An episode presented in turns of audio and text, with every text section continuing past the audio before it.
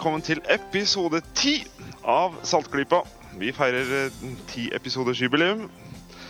Saltklypa er en norsk podkast om vitenskap, pseudovitenskap og kritisk tenkning. I dag er det 7. mars 2011. Jeg heter Andreas og skal lede denne episoden. Med meg har jeg Marit, Hallo, alle sammen. Bendik, Det er meg.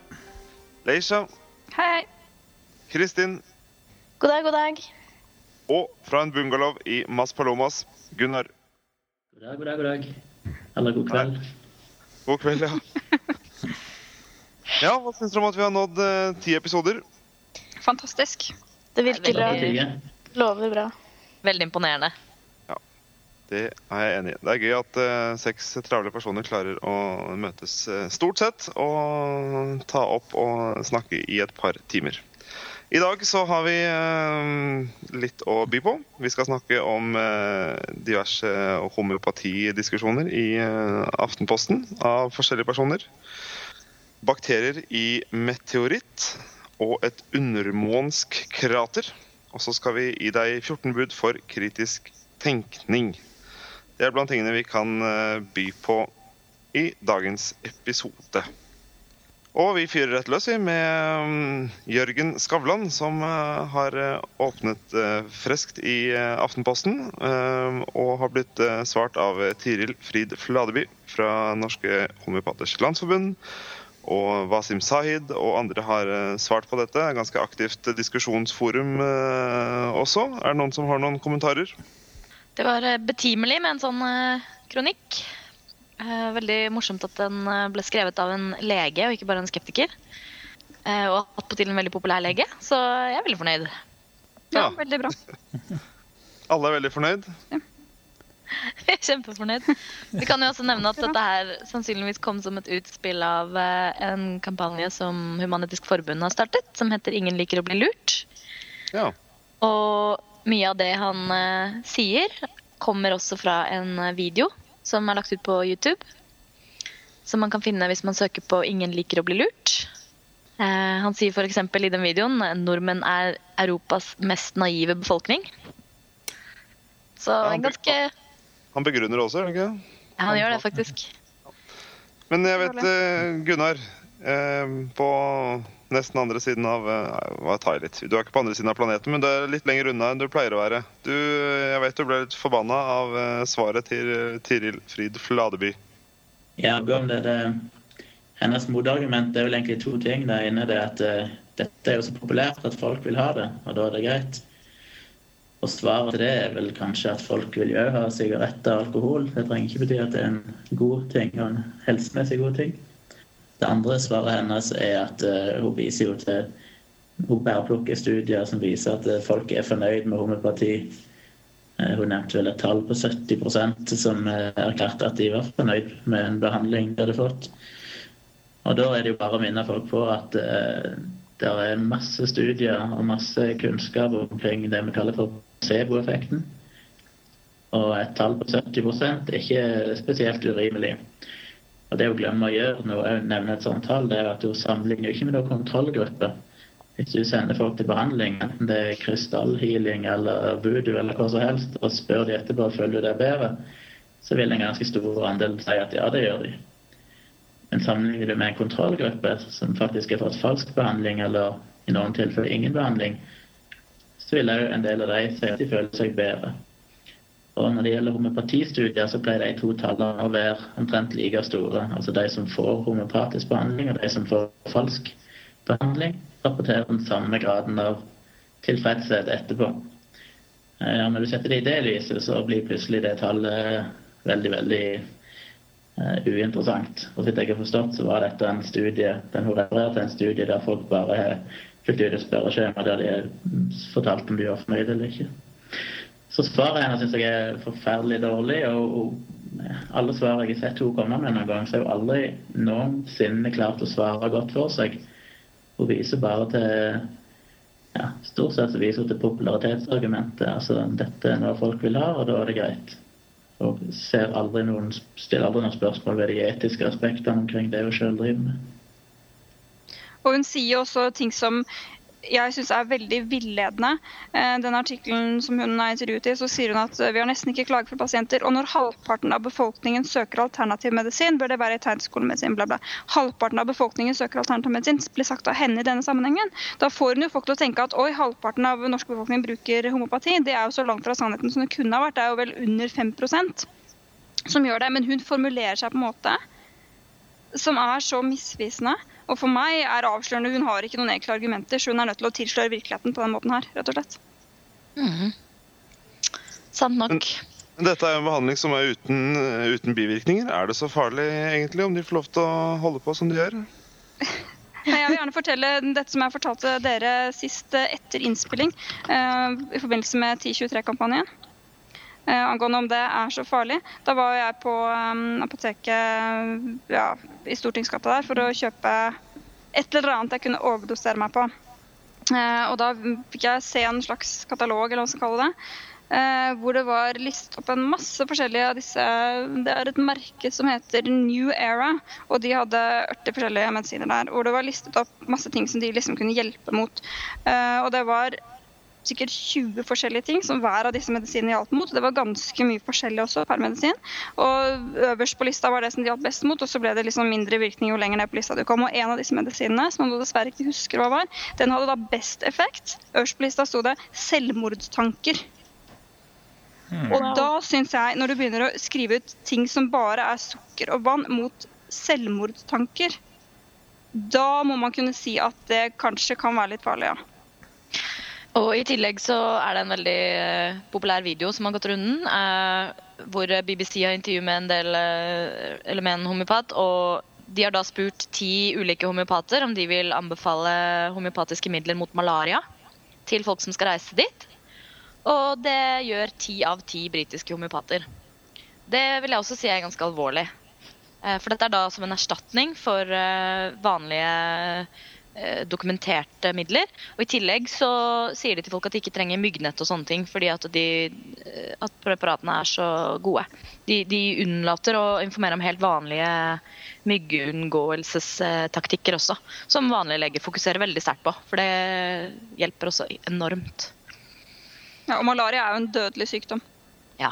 faktisk. Så det er ganske farlig.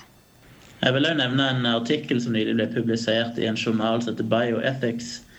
Der en eh, forsker som heter Kevin Smith har gjort en analyse av homeopati. Artikkelen heter 'Against Homeopathy A Utilitarian Perspective'.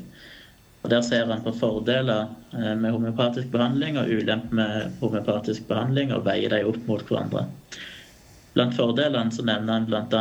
at eh, homeopatisk behandling har en lav grad av inngripen, inngripen. Non-invasiveness på engelsk. Det er kosteffektivt. Det er en holistisk tenkemåte, en helhetlig tenkemåte. Der er placeboeffekter som en kan høste nytte av. Og brukeren styrer i stor grad eh, denne behandlingen sjøl. Av negative momenter så nevner han eh, spesielt kanskje det viktigste som vi ofte trekker fram, at eh, pasienten gjerne da ikke oppsøker effektiv medisinsk behandling hvis han får homeopatisk behandling. Det er en sløsing med ressurser. Det viderefører en del falske ideer, eller feilaktige ideer.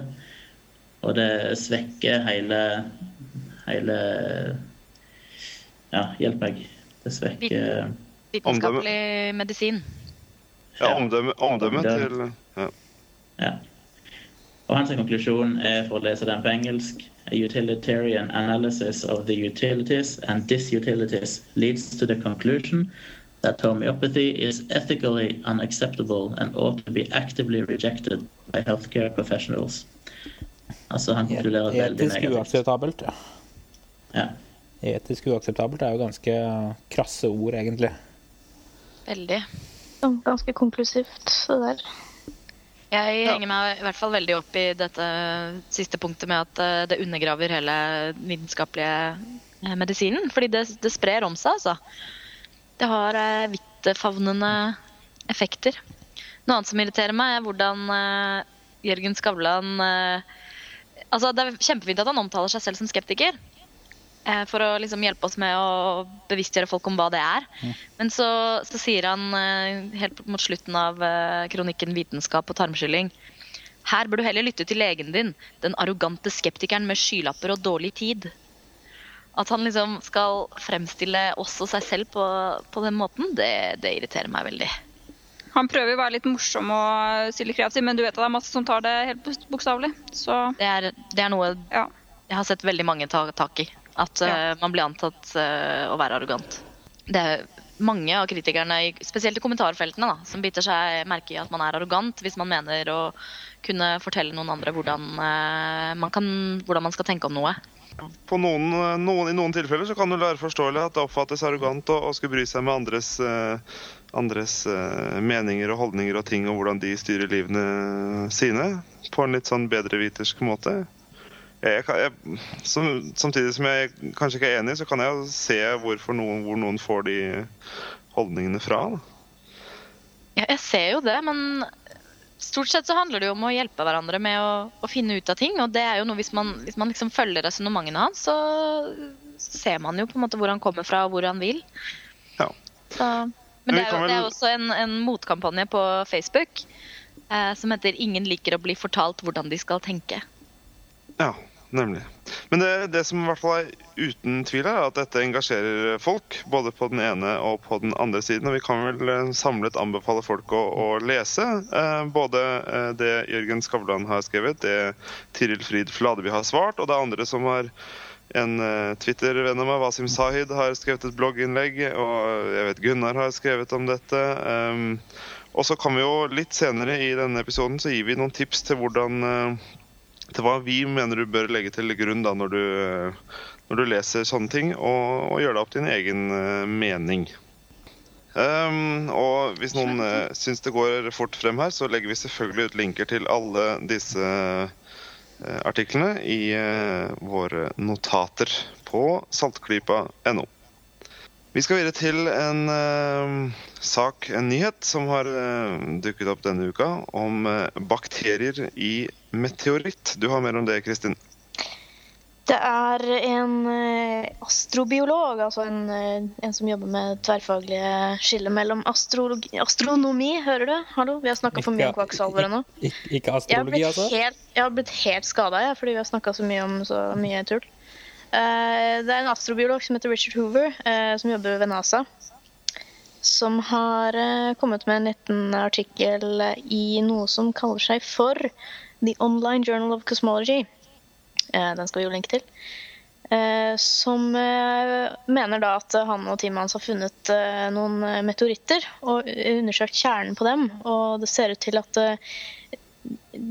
de ser ut til å ha funnet fossiler av en eller annen livsform som sterkt kan minne om det som heter cyanobakterier. Det er vel det som også kalles blågrønne alger. Er ikke det? Det er korrekt. Correct me if I'm wrong, ja. Ehm, og de hevder da at når det er gjort kjemiske analyser på det her, så har de ikke vist noen indikasjoner på at eh, fossilene tilhører eh, organismer som infiltrerte meteorittene etter at de kom til jorden. Altså at de dermed må ha funnes inne i dem mens de ennå befant seg ute i verdensrommet. Og det er jo Så, det, Så er det noen bilder da og, av, av disse meteorittene, noen sånne elektronmikroskopbilder, eh, hvor de da har analysert osv. osv. Uh, og det kan jo se veldig spennende ut, det, for en som ikke er noe ekspert på området. Jeg er i hvert fall ikke noe ekspert på området. Jeg er veldig dårlig på bildeanalyse og biologi og det, alt, alt mulig.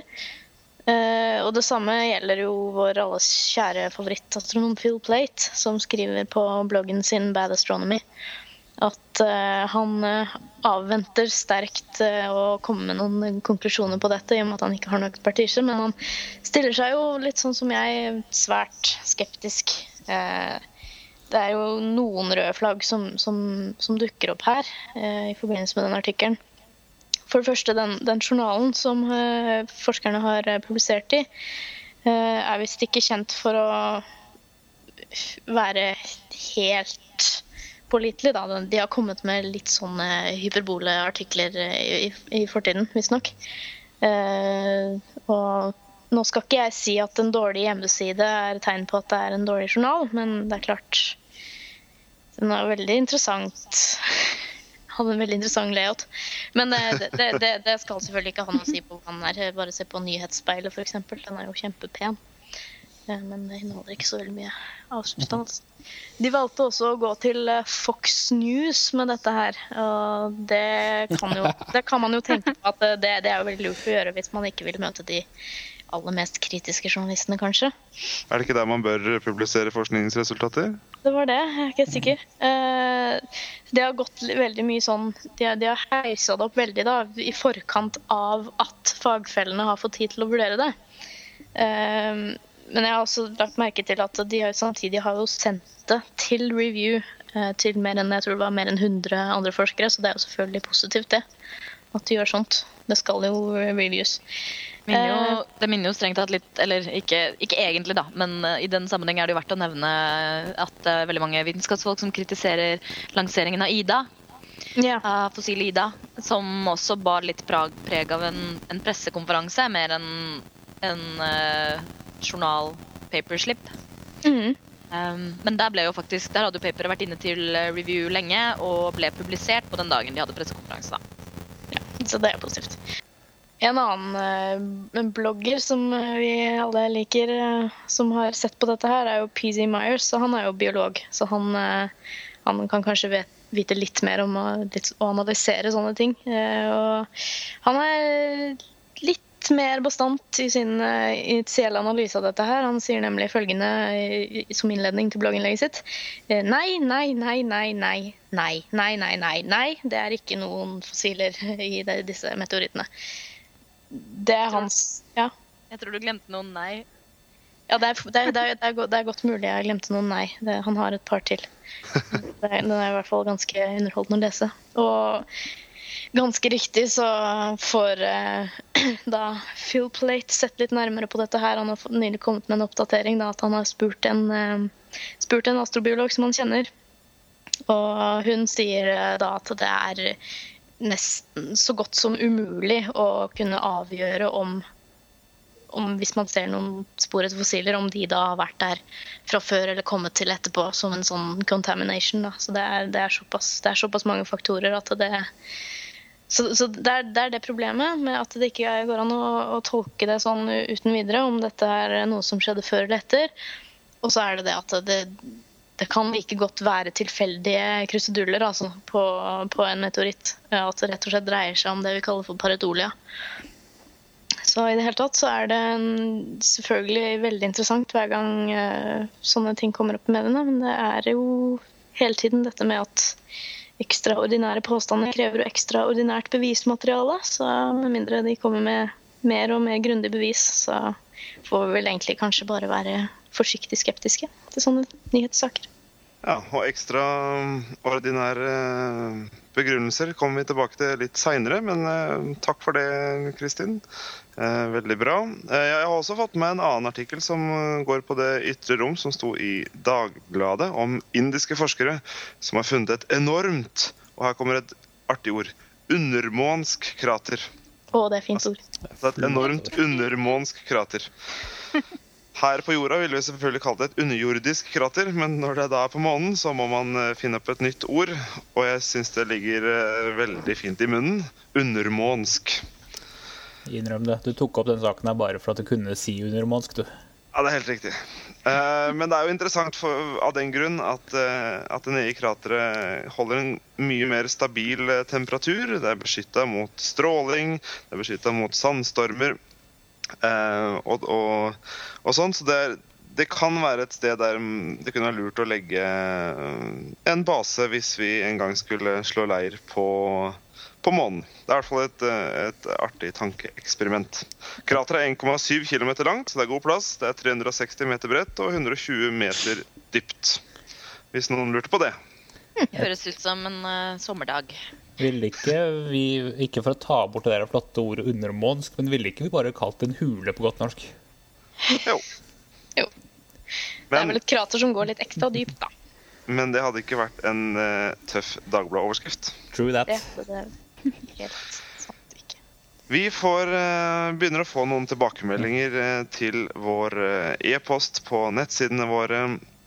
Og setter veldig stor pris på det. Vi vil gjerne høre mer fra deg. Eh, dette er eh, et innslag som vi trodde skulle bli eh, litt kortere enn de andre. Det får tiden vise om det blir. Men det er en av tingene vi gjerne ønsker tilbakemelding på. Er dette for langt å høre til, eller er det for kort? Eller er det akkurat passe?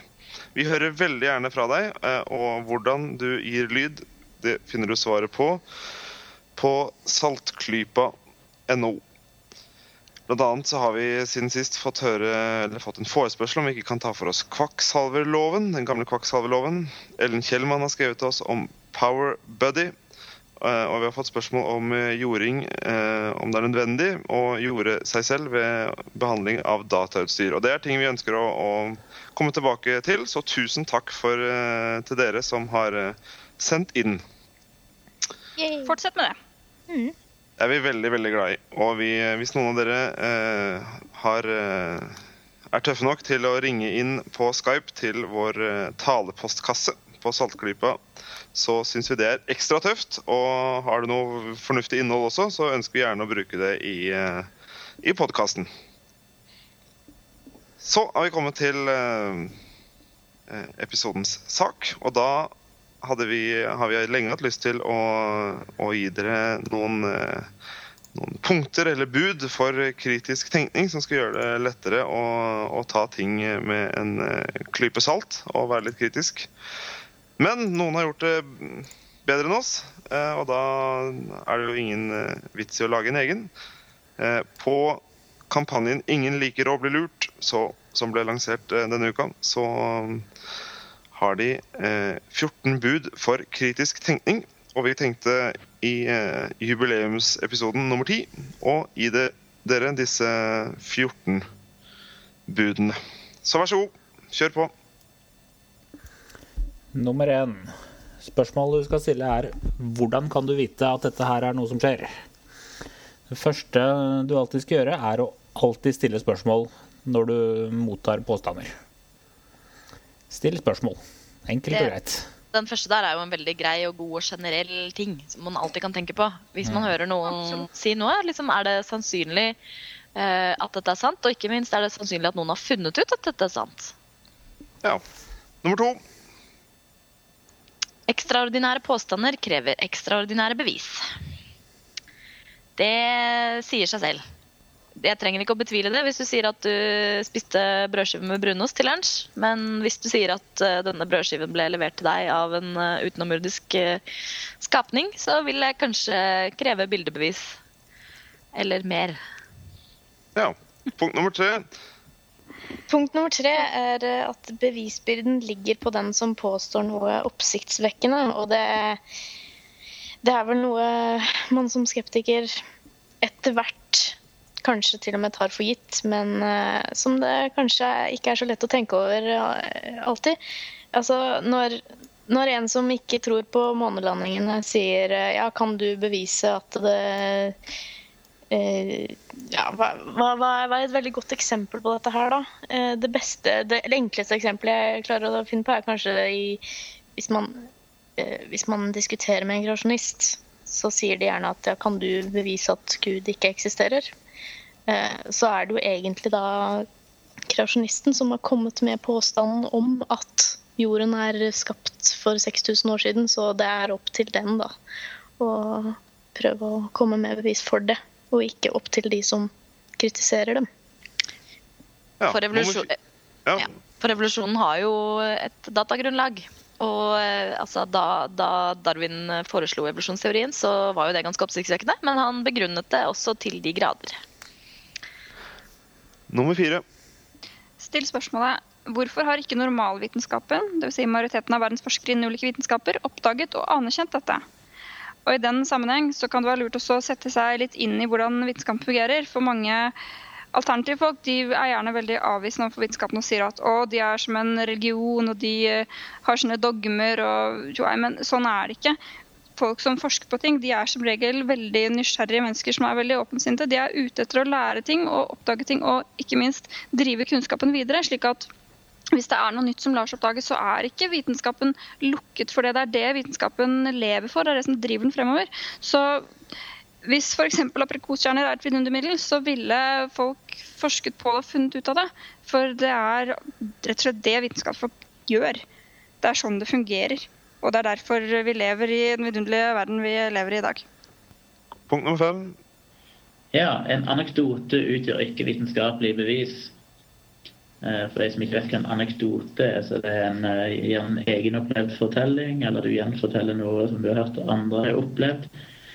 Og det vet vi er bare én fortelling. Enkelttilfeller sier oss egentlig ingenting. Og 100, siste 100 år med forskning har vist dere veldig tydelig at vi trenger kontrollerte studier for å kunne si noen ting om sannheten. Det skal jo ikke stikkes under stol at eh, man kan bruke anekdoter som grunnlag for å begynne forskning på noe, men det kan jo ikke være mer enn det, da. Det er sant, det er en veldig god indikasjon på om det er noe av interesse som en kanskje burde forske på. Men det, det finnes ikke noe svar i anekdoter i seg sjøl. Nei. Punkt nummer seks. Skill mellom fenomen og forklaring. Vi har vel alle opplevd eh, merkelige ting som vi ikke kan eh, forklare. Jeg gjør i hvert fall det eh, stadig vekk. Det kan knirke på loftet, eller ting ligger, ligger ikke der jeg trodde jeg la det, osv. Det betyr ikke nødvendigvis at det har skjedd noe merkelig, fordi om det har eh, skjedd noe du ikke, kan, eh, du ikke har en forklaring på umiddelbart. Punkt nummer syv. Se alltid etter informasjon på flere steder. Noe av eh, det viktigste vi kan gjøre, er å ta inn informasjon fra mange forskjellige kilder og sammenligne de. Hvis det er f.eks. bare én kilde som eh, skiller seg ut, det kan da f.eks. være kreasjonistwebsiden eh, som skiller seg ut, i motsetning til alle verdens lærebøker, så kan du eh, se på den og prøve å finne ut hva forskjellen er her. Eh, Eller ikke bare se på kreasjonistwebsiden. Man må alltid eh, ta inn så mye informasjon man klarer. Ja, hvis vi tar eksempel i, i, i saken vi snakket om først i dag, så, så er vel vi alle tilhengere at folk setter seg inn i Folk må gjerne sette seg inn i, eh, på homeopatenes eh, landsforbunds sider og lese den forskningen de peker til, og så samtidig lese den forskningen som eh, vi kanskje vil vise til. Og gjerne Wikipedia eller leksikon og søke informasjonen flere steder. Jeg, jeg føler at det er viktig, viktig å påpeke at vi er vel for at man leser fra begge sider av en sak. Så fremt man eh, bruker de, eh, de andre punktene som eh, vi nevner her, at man stiller spørsmål til dem og ber de om å backe opp påstandene sine riktig. Ja, nemlig. Nummer åtte. Stol ikke nødvendigvis på autoriteter. Dette er jo ganske selvforklarende. Altså, det er jo nødvendig for oss å, å stole på autoriteter i veldig mange eh, situasjoner. Vi kan ikke gå rundt og lære oss alt om verden eh, hele tiden. Men uh, bare fordi noen er en autoritet, betyr ikke det at de har rett. Uh, det er veldig mange som uttaler seg om ting ikke, som, altså som ikke er i deres eget felt. Uh, og det er også autoriteter som tar feil. Og de kanskje ikke har fått nok informasjon, selv om de er ansett som en, en ressursperson eller kunnskapsperson innenfor et felt. Så man kan godt bruke autoriteter som veiledende, men husk på forrige punkt igjen. Se etter informasjon flere steder, og se hva det bringer da. Ja. Nummer ni. Det at to hendelser skjer etter hverandre eller skjer samtidig med hverandre, så betyr ikke det nødvendigvis at det er en sammenheng mellom dem. Eh, bare fordi sola står opp når hanen galer, så betyr ikke det nødvendigvis at eh, hanen får sola til å stå opp. Eh, litt mer seriøst så kan vi jo si at eh, bare fordi at forkjølelsen gikk over nøyaktig syv dager etter at du tok de homopatiske medisinene, så betyr ikke det nødvendigvis at det var de homopatiske medisinene som gjorde at du ble frisk. Takk for det. Nummer ti. Verden er ikke svart-hvitt. Det finnes et helt spekter av grått imellom.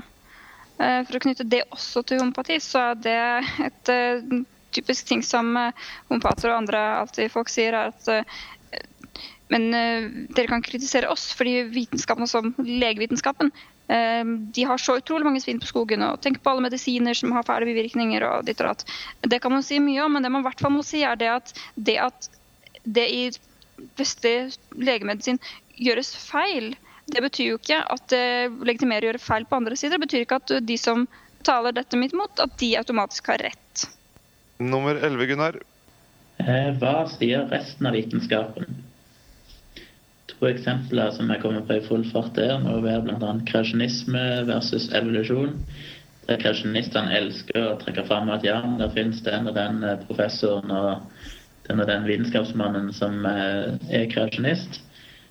Men de utgjør jo Jeg har sett noen tall, jeg husker ikke nøyaktig lenger. Jeg skrev om det tidligere, men om det er liksom 1 eller 2% eller et eller annet i beste fall av amerikanske eh, fagfolk som er kreasjonister.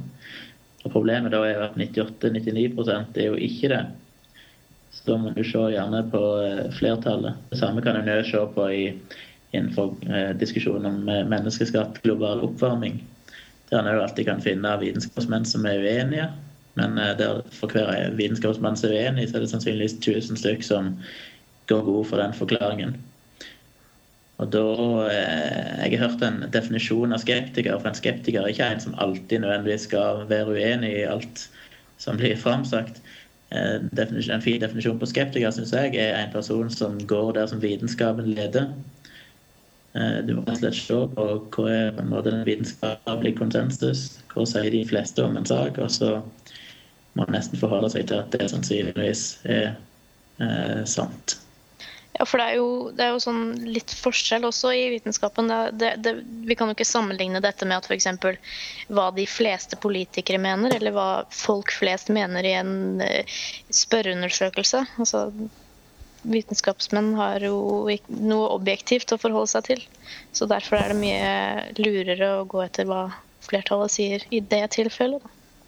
Og hvis det er en veldig stor andel av vitenskapsmenn som har en mening, så er det gjerne en grunn til det. Så ta en titt på den grunnen. Så skjønner man gjerne hvorfor det er eh, få som mener noe annet. Ja. Nummer tolv. Den enkleste forklaringen er den mest sannsynlige.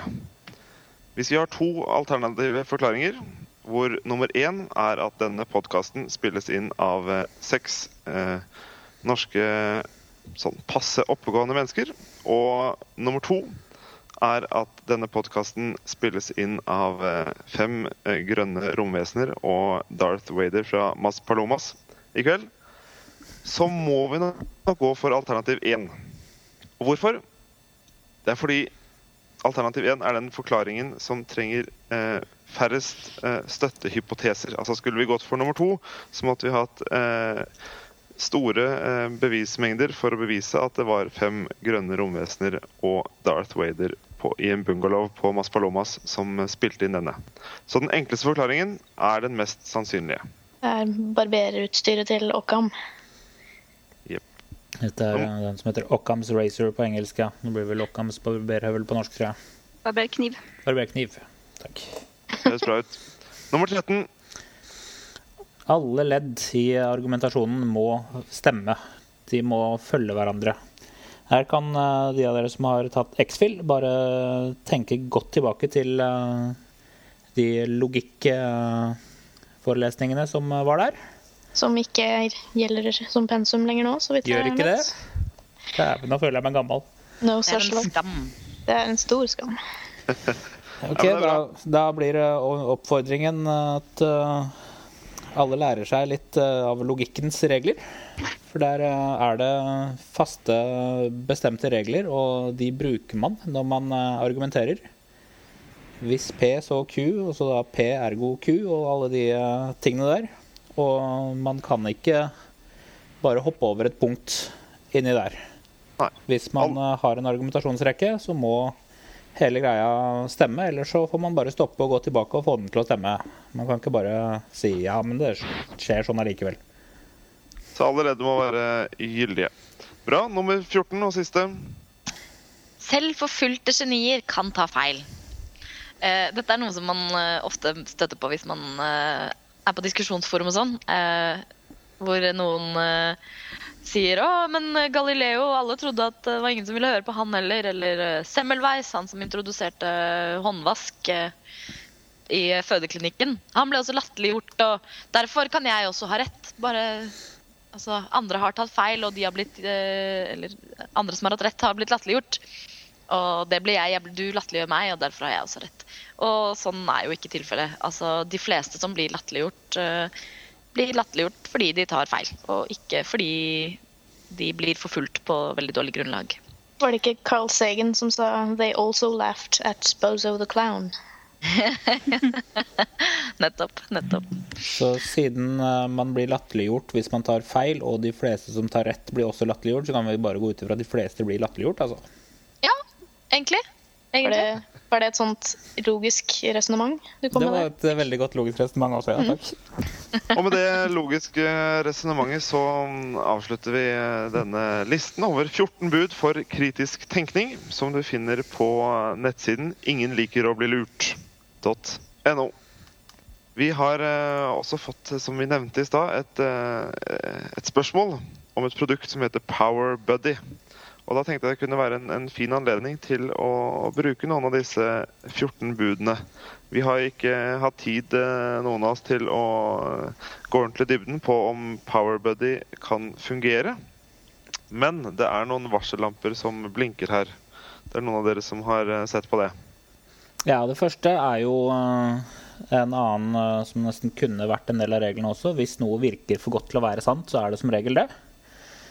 Denne lille PowerBuddy-boksen er en eh, liten boks som bare plugges inn i eh, et stikkontakt eller et støpsel på, eh, i huset ditt, og dermed påstår at den skal klare å spare deg for strøm ved at den lagrer opp noe av den strømmen som vanligvis ville blitt sendt tilbake til kraftverket som etter at den har gått inn i huset ditt.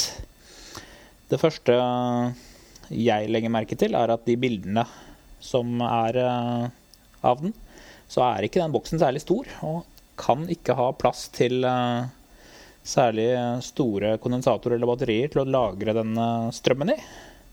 Ergo så burde den ikke kunne lagre særlig mye strøm, som, eh, eller 10-20 som eh, de påstår. Nei. Så vi er eh, vi, vi tar det med en, med en klype salt. Vi sier ikke at eh, Vi har ikke dekning for å si at dette ikke, ikke fungerer, er det, er det sånn? Men vi, det er veldig mange varsellamper som, som blinker her, og som gjør at eh, dette ønsker vi å undersøke nærmere. Det jeg tenker sånn umiddelbart når jeg ser en sånn ting, det er jo at hvis dette faktisk fungerte, så ville vel alle eksperter på området faktisk benytte seg av det. Men Det burde vel bli- det, det gjør det ikke det. Det burde jo bli eh, statspålagt å drive med det her veldig fort, fordi man sparer masse strøm på det. Og sparer kraftmarkedet og miljøet, ikke minst.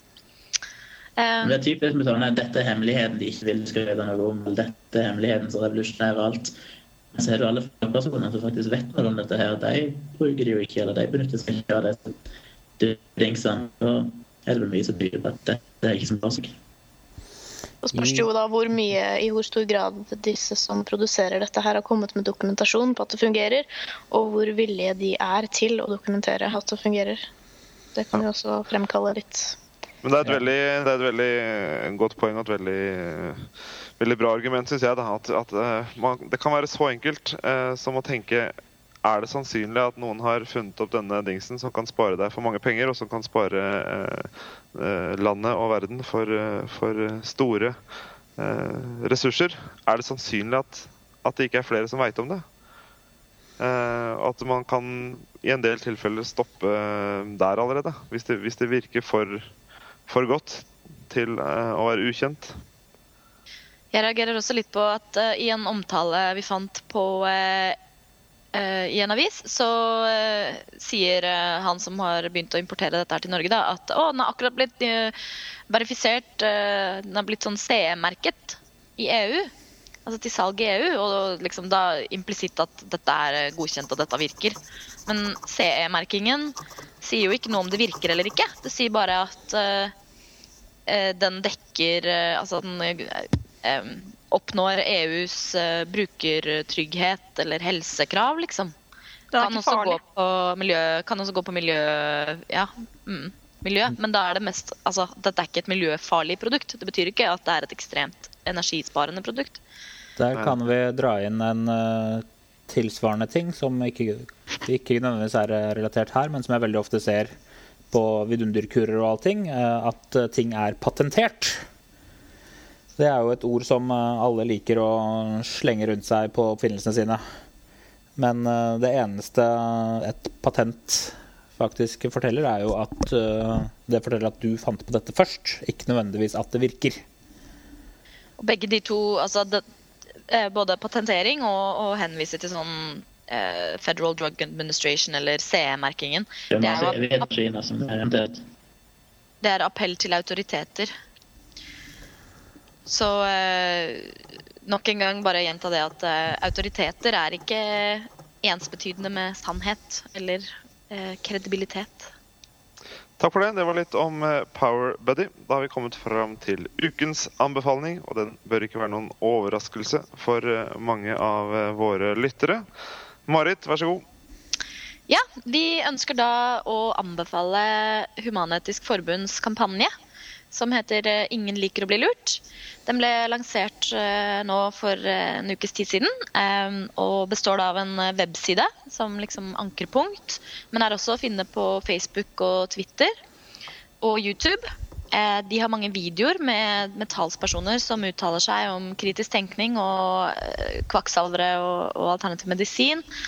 Og de etterlyser historier fra folk som har blitt lurt, eller som ønsker å unngå å bli lurt. Eh, og man kan eh, dele linker veldig enkelt eh, med andre.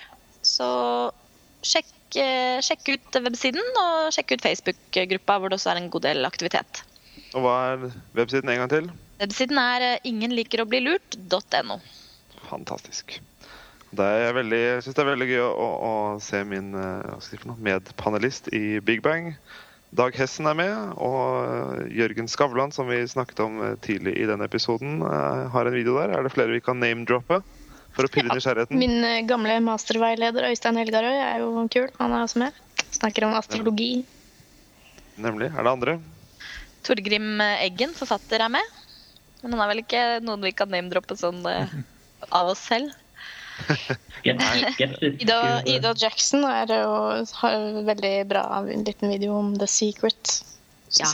Og hun var jo eh, med på Kritisk masse i fjor, så det var bra. Mm. Ja. Den siste er Gunhild Lem, enken etter Steinar Lem, som eh, går hardt ut mot alle som tilbød ham eh, virkningsløse alternative behandlinger for kreft. Ja. Vi hadde jo også vår egen Saltklypa-gjest, eh, Asbjørn Dyrendal, som pratet om konspirasjonsteorier eh, på noen av de videoene. Så der har vi kilt nysgjerrighetsmuskelen din litt.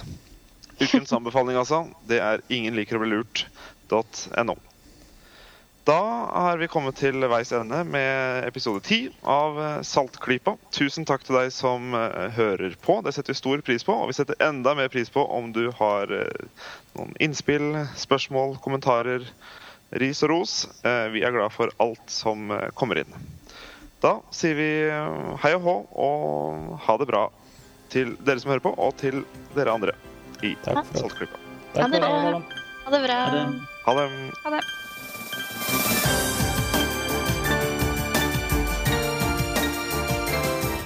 Saltklypa er en norsk podkast som tar for seg vitenskap og pseudovitenskap i samfunnet med et kritisk blikk. Podkasten produseres og drives på frivillig basis av seks personer, helt uavhengig av noen organisasjon. Vi vil gjerne høre fra deg. Hvis du har spørsmål eller kommentarer til dette eller andre avsnitt, kan du sende oss en mail, legge inn en talebeskjed på Skype eller skrive en kommentar på vår nettside. Informasjon om dette, samt linker og notater til det vi har snakket om i dag, finner du på saltklypa.no. Denne podkasten gjør et sterkere inntrykk på deg jo mer du spiller den ut. Lytt til ett sekund i året eller mindre for aller best effekt.